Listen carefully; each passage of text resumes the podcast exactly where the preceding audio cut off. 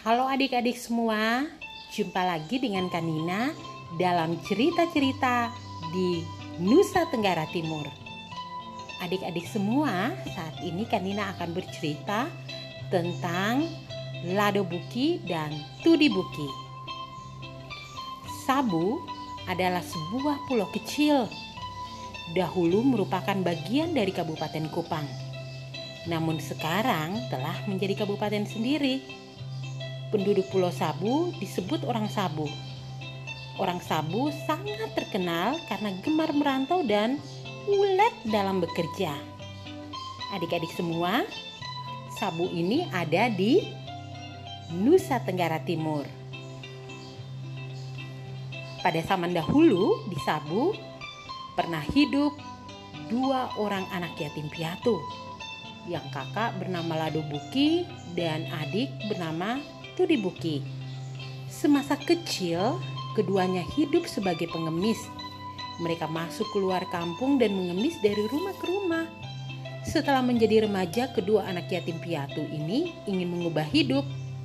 Lado Buki ingin bekerja. Dia mulai bekerja dan belajar menyadap pohon lontar. Nira lontar sangat manis dan enak diminum dan dapat juga dimasak menjadi gula merah. Gula sabu banyak dikenal di Nusa Tenggara Timur karena sangat kental dan tahan lama. Karena baru belajar menyadap lontar, hasil nira yang diperoleh hanya sedikit. Nira yang sedikit itu diminum sendiri oleh Lado Buki. Adiknya Tudi Buki hanya mendapat sisa nira yang banyak ampasnya. Sisa nira yang banyak ampas itu pun masih harus dibagikan oleh Tudi Buki kepada anak anjing kesayangannya. Demikianlah perlakuan Lado Buki terhadap adiknya. Karena itu, Tudi Buki menaruh dendam pada kakaknya. Ia sering melawan atau mengomel bila disuruh oleh kakaknya. Pada suatu hari, Lado Buki mengajak Tudi Buki bersama anak anjing kesayangannya untuk pergi menyadap lontar. Tudi Buki dan anak anjingnya disuruh berdiri di bawah pohon lontar. Setiba di atas pohon lontar, Lado Buki mengambil nira yang telah terkumpul. Hari itu cuaca cerah, sehingga nira yang terkumpul cukup banyak.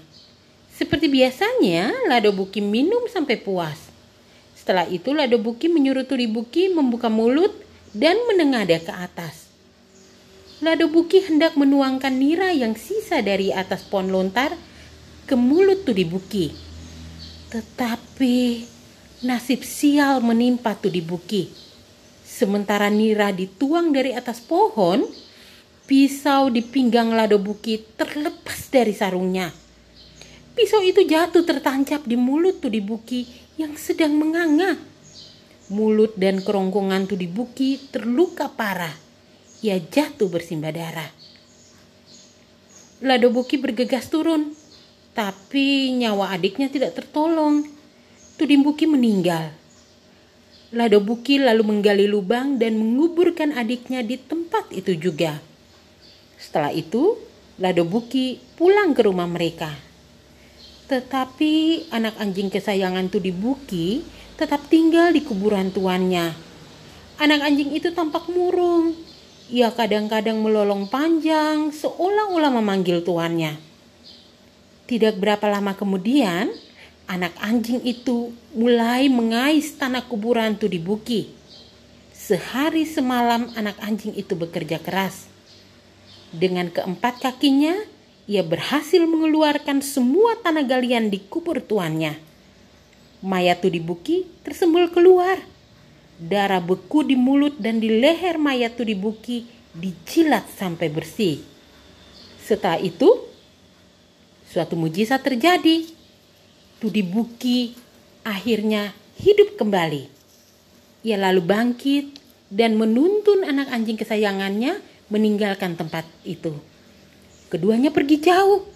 Mereka ingin mencari tempat baru untuk mulai hidup baru.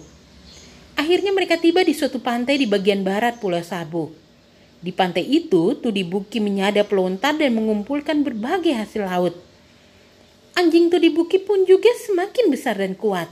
Anjing itu selalu membantu Tudi Buki dengan setia. Hasil usaha Tudi Buki selalu dijual ke kota. Lama-kelamaan Tudi Buki menjadi orang kaya yang mulai terkenal.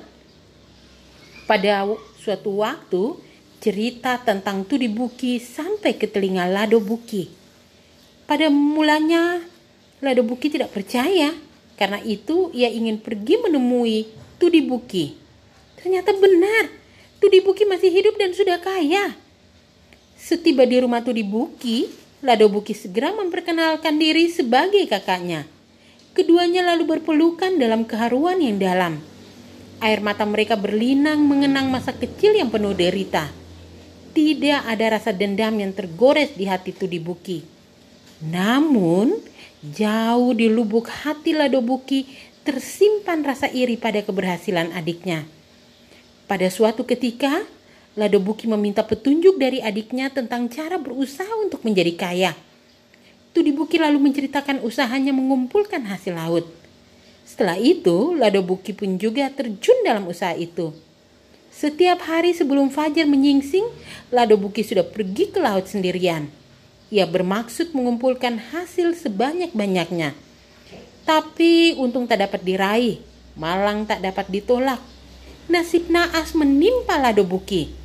Suatu pagi, ketika Lado Buki sedang menyelam mencari hasil laut, tiba-tiba seekor buaya mira menerkamnya. Lado Buki tewas mengenaskan. Mayatnya kemudian terapung dan terdampar di pantai. Mayat itu kemudian ditemukan oleh adiknya. Keesokan harinya, mayat itu dikuburkan dalam suatu upacara yang hikmat. Adik-adik semua, Cerita ini mungkin pernah terjadi, mungkin juga tidak. Tapi hikmat cerita ini tidak pernah surut di telan masa.